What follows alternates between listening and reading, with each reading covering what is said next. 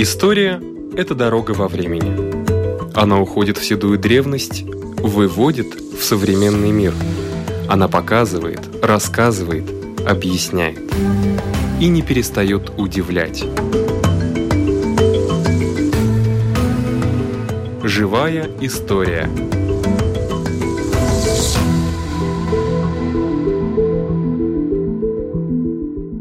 У микрофона Лидия Чера.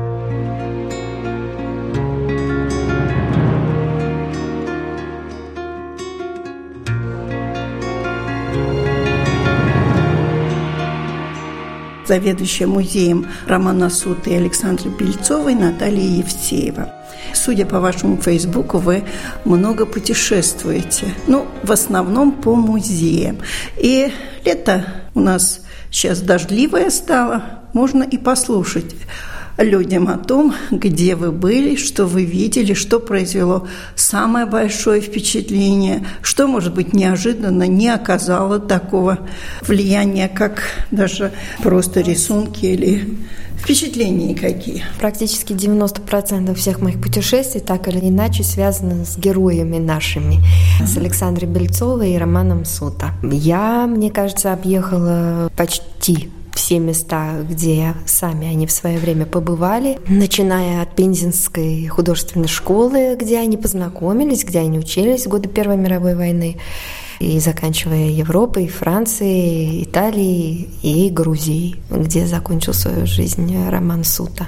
Эти путешествия немного напоминают такие поездки детектива, где другой раз приходится или искать какие-то документы, которые могут свидетельствовать о том времени, или места, которые они посещали, дома, в которых они жили. В этом даже есть какой-то азарт, и много что мне удалось найти. И дом, в котором жила Александра Бельцова во Франции, когда она там лечилась на французской ривьере, мне не удалось выяснить, какой именно, потому как за столько времени и названия уже поменялись, и нумерация домов, но улица по-прежнему та самая, есть она в городе Ванс, и вид от нее с этой улицы открывается на город именно такой, как на картинах Бельцовой, которые она там писала. И верится, что именно там эти работы были созданы. Она писала сестре, что когда по приезду ей не разрешали врачи длительные прогулки, и ей нужно было лежать на свежем воздухе, она писала прямо с веранды того дома, в котором она жила. У нее там. туберкулез был? Да, верно, у нее был туберкулез легких. Она ездила туда в общей сложности около 5-6 раз во второй половине 20-х 20-х и в 30-е. Нашла я и в Вене домик, она там арендовала комнату. Вот у нас в музее есть э, девичья так называемая комнатка за кухней. Вот в такой же девичьей она жила в Вене. метров? Да, крошечная, неотапливаемая комната рядом с кухней. Она там прожила около полугода, то время, пока Роман Сута, супруг, лежал в больнице и оперировался там, в Вене. У него открылась язва желудка. И состояние его было очень тяжелым. Проживание там тоже достаточно, у них не было совсем практически лишних денег на это. И вот именно там она и подорвала окончательно здоровье. Роман вылечился, выздоровел, а Александра заболела. И обострение очень сильное было связано именно вот с тем, что она жила зиму тогда в этой неотапливаемой комнатушке. При этом Вена же очень красивый город на самом деле. Там, говоря о музеях, один из лучших музеев Европы, где можно видеть и Вермеера, и Брейгеля, и, кстати, вот не так давно тоже была выставка Брейгеля там у них. Этот музей обязательно, это, наверное, если говорить о каком-то топ-5, то обязательно это место нужно посетить. А попасть легко легко туда, очень много туристов. Иногда бывает, что в тот же самый Эрмитаж не попадешь. Нет, я бы не сказала, что туда трудно попасть. Но понятно, что это не пустынный музей. Вообще музей, по большому счету, делится на такие две большие категории.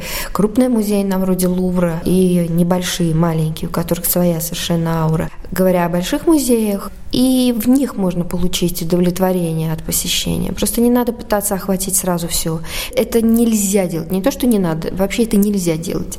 Нужно просто изначально, сейчас благо есть интернет, ознакомиться примерно, что этот музей предлагает, и выбрать для себя что-то одно – И для себя сказать, что вот я иду смотреть Вермеера, например. Или вот я иду смотреть только Возрождение. Или там только Египет древний. И не пытаться охватить все сразу. Это будет бесполезно. А маленькие музеи, в них есть тоже своя прелесть, безусловно. Редко какой маленький музей может похвастаться обладанием шедеврами какого-то ну, совершенно невероятного уровня, на вроде Моны Лизы. Но и там есть очень много интересных вещей. Например, ну, я не знаю, можно ли отнести этот музей к разряду небольших или маленьких, но он не так известен, скажем, в Неаполе. Все в основном идут в музей археологический, где находки из Помпеев, Геркуланума и другие ценности. Но для любителей живописи я настоятельно рекомендую. Там есть такой город от моря, уходит наверх, в гору. И на самой горе там такое поместье Каподемонте, этот музей называется. И там жили когда-то вот эти неапольские правители. Коллекция у них невероятная, очень интересные вещи. Причем многие из них хрестоматийно известны, но не все туда добираются. Туристы в основном вот э, кучкуются возле набережной и возле этого археологического музея. Я вспоминаю этот музей до сих пор с большим восторгом. Там и работы Тициана, очень известные портреты, и Брегель, вот те самые, которые слепые, которых один ведет за другого, держатся, слепые, угу. шагающие. И очень много там таких. И парк, который вокруг этой усадьбы, само по себе тоже место очень интересное и красивое. А возвращаясь к нашим героям, я, путешествуя по Франции, взяла с собой целую пачку распечаток с фотографиями, где Бельцова себя запечатлела или ее фотографировали. Угу. На фоне, на фоне каких-то да. мест, да. И также ее работы, которые, вероятно, или совершенно точно были созданы там. И для меня это был действительно вот как какой-то детектив, найти это место, расшифровать его. Другой раз приходилось обращаться к людям местным, ну, спрашивать у них, да, и другой раз действительно мне очень оказалось, кстати, их а советы помощь. Бывает. Да, единственное, что они не так хорошо знают английский, как хотелось бы. Французы достаточно самодостаточный народ. Но, тем не менее, многое действительно мне удалось расшифровать благодаря вот этим поездкам на месте. Хотя скажу, что и интернет в наше время может прийти на помощь. Вот одно из моих таких последних открытий – рисунок акварель Бельцовой, который до этого считалась по всем описаниям как пейзаж, относящийся к ее поездкам во Францию. Листая каталоги выставочные того времени, я обратила внимание, что она выставляла и акварели, которые в Италии были созданы по названию Венеция, Милан. И одна из этих работ называлась Трентино.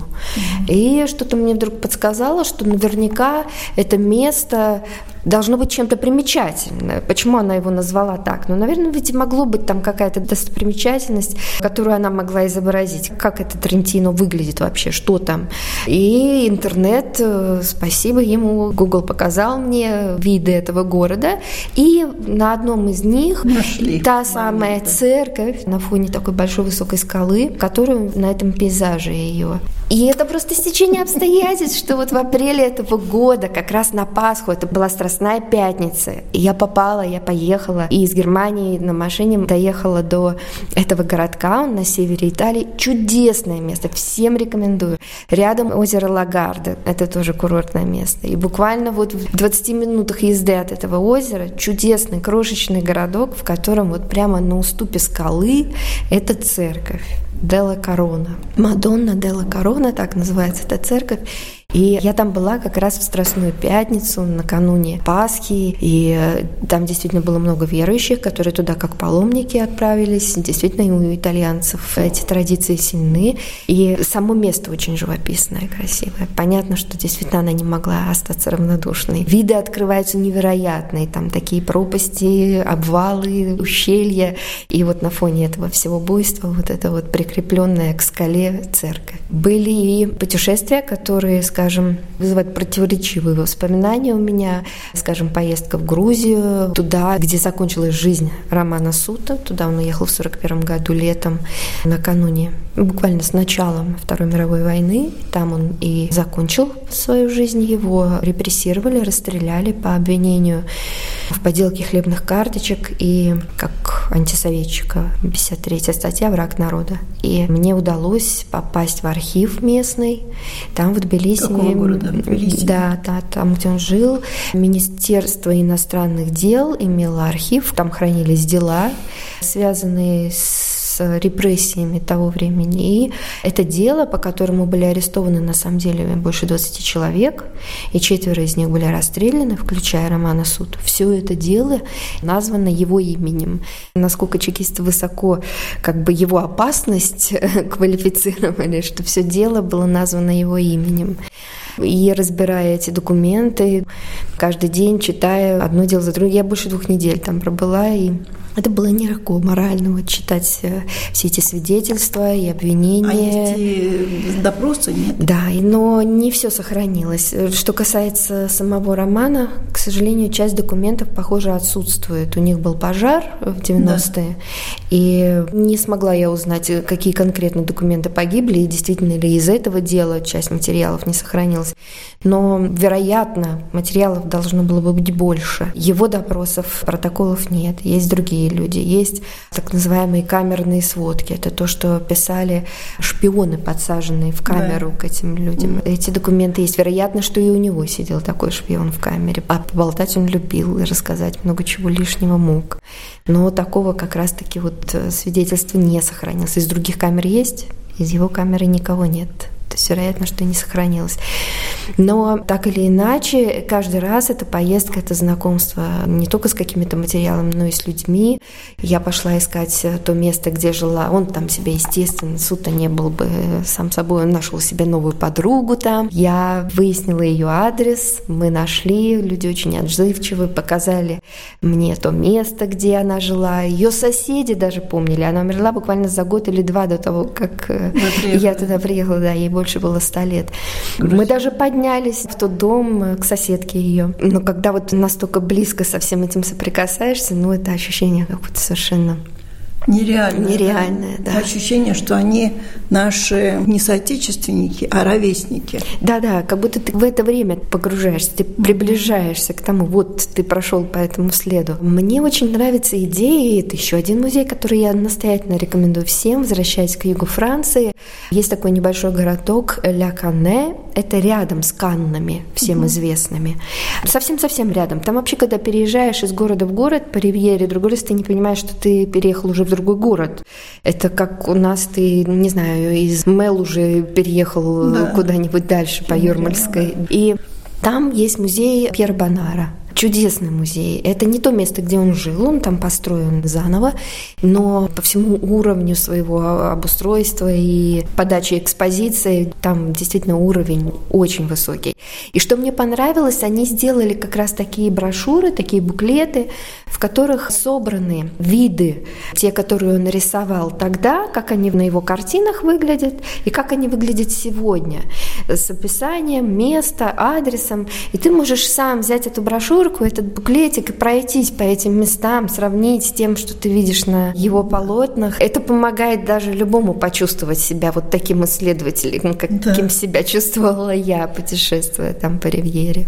Ну а самая-самая, самая картина – самое впечатление, неожиданность самая? Я даже не смогу вот так вот назвать одно. Одно из ярких, скажем так, это путешествие было в прошлом году в Париж на выставку Цугухару Фужита, такой художник японского происхождения. Он принадлежит к парижской школе художников, то есть это начало 20 века, 20-е годы.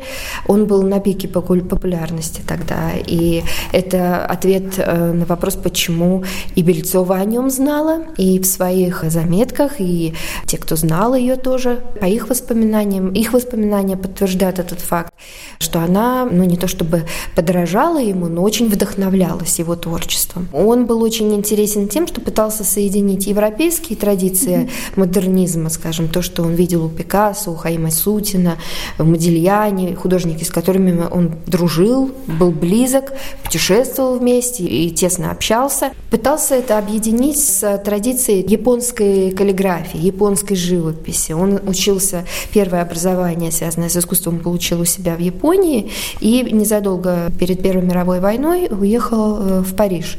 И вот эти его поиски в этом направлении, они вдохновляли очень многих. Он действительно был в моде. Вот эта тонкая каллиграфичная линия в сочетании вот с этими 50 оттенков белого.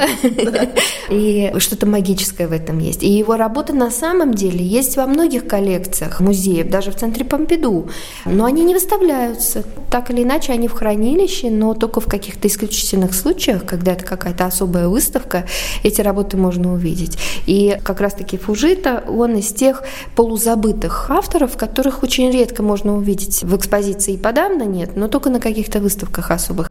Не так давно перед этим, может быть, лет пять назад была выставка в Москве.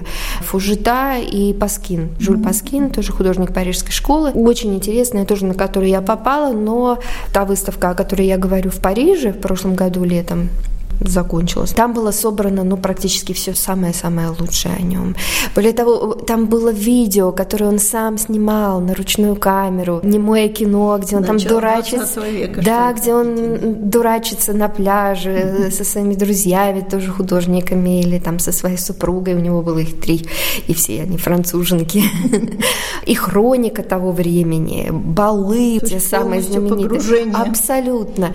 И это был небольшой музей, музей музее Аристидом Майолем. И один из этажей был вот отведен под эту выставку. Наверное, из э, впечатлений последних лет это было одно из самых ярких. К сожалению, все, что от этой выставки есть, это вот каталоги, которые, может быть, можно в интернете заказать. Или, может быть, можно через интернет поискать какие-то статьи об этом, фото, видео. Ну, опять же, спасибо интернету выходят всяческие списки самых важных, интересных событий в разных музеях в ближайшие полгода-год. И можно заранее составлять график поездок, куда стоит поехать, что посетить. И если заранее подготовиться к этому, если немножко больше почитать, если немножко больше посмотреть, если более того хочешь как-то шире охватить или этот период, и это время, или этих авторов, которые более интересны, то это можно действительно превратить в приключение. Спасибо большое за увлекательный рассказ. Хочу вам пожелать больше путешествовать и жду ваших дальнейших рассказов. У нашего микрофона была заведующая музеем Романа Сута и Александра Бельцова и Наталья Евсеева.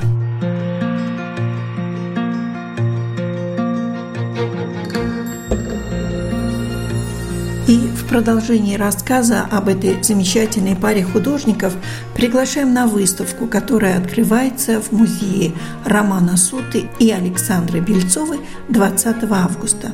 Называется «Латышские художники Пензенской художественной школы». Эта российская школа была основной для многих художников Латвии во время Первой мировой войны – Новая экспозиция продолжает рассказ об Александре Бельцовой, которая училась там с 1912 по 1917 годы. 1915 году из-за войны пришлось закрыть Рижскую городскую художественную школу.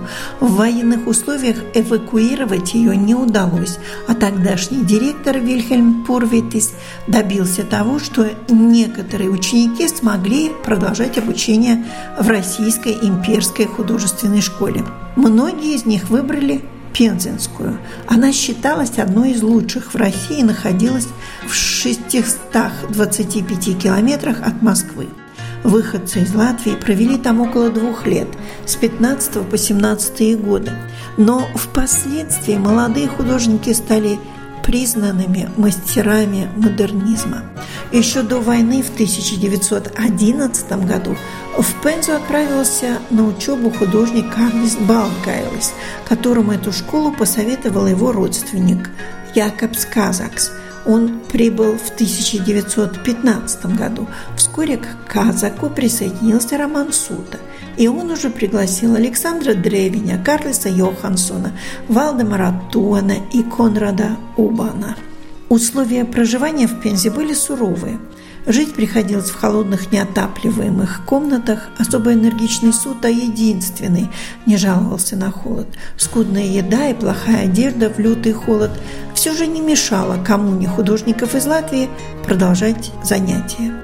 По весне проходили выставки работ учащихся, в том числе и латвийских. Их особый способ художественного воплощения получил особое признание. Русским художникам полотна латышей казались новаторскими, модерными и смелыми. Пережитые трудности во время войны и жизнь в коммуне вне Латвии с схватила художников. Общий поиск нового художественного языка выражения сформировало ядро группы экспрессионистов, в которые вошли Роман Сута, Александра Бельцова, Конрад Убан, Валдемар Туана и другие модернисты. Выставка, которая открывается 20 августа, расскажет еще много интересного о преподавателях, учебной структуре. Мы можем познакомиться с письмами и воспоминаниями художников о времени, проведенном в Пензе.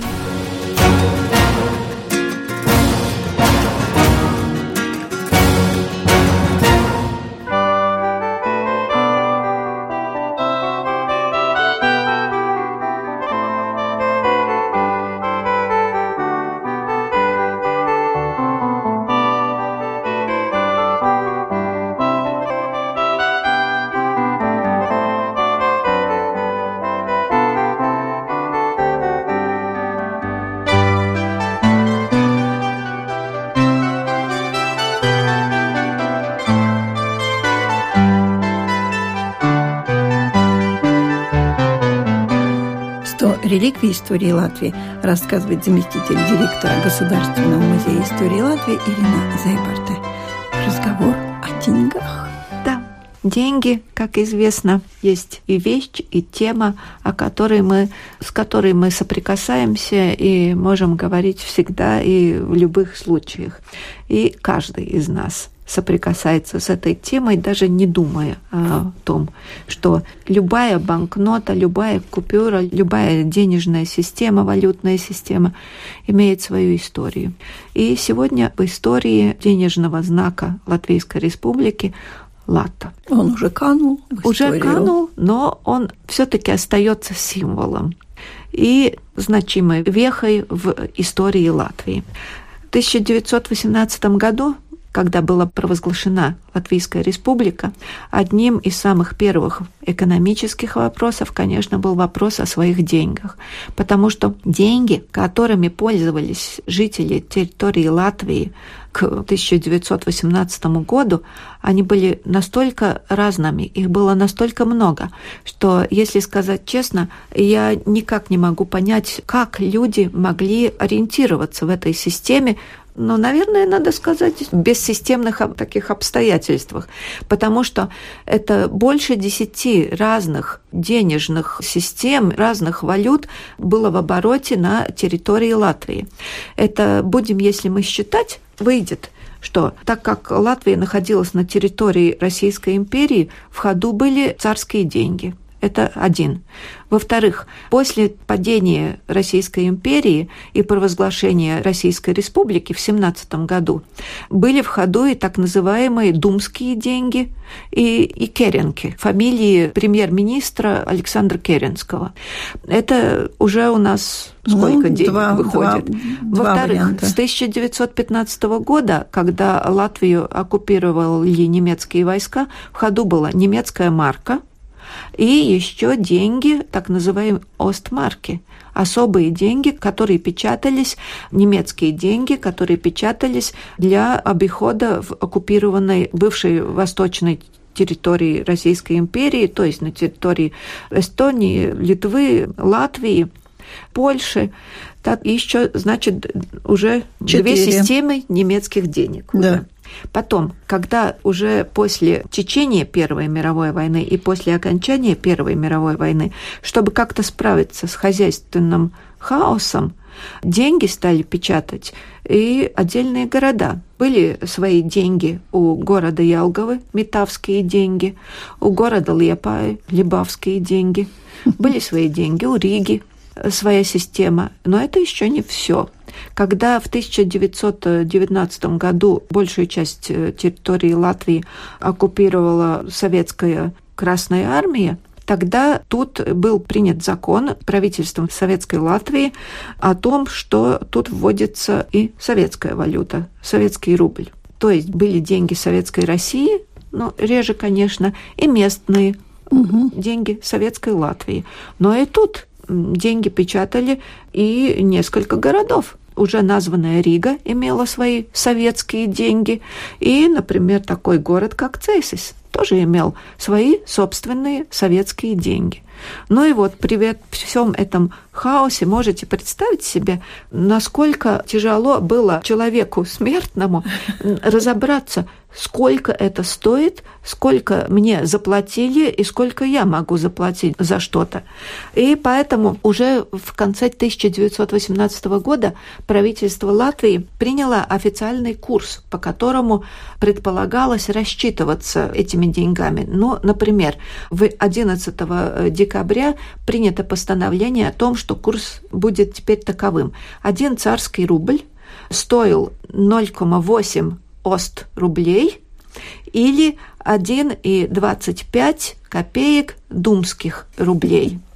Своих денег у Латвии не было, Поэтому приходилось пользоваться вот этими чужими деньгами. И было абсолютно ясно, что нужна национальная валюта.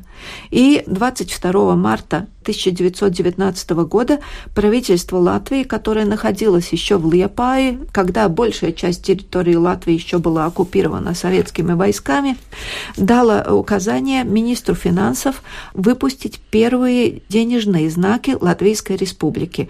И пока их название было принято, чтобы ну, и дальше не путать человеку способность разобраться, что и что.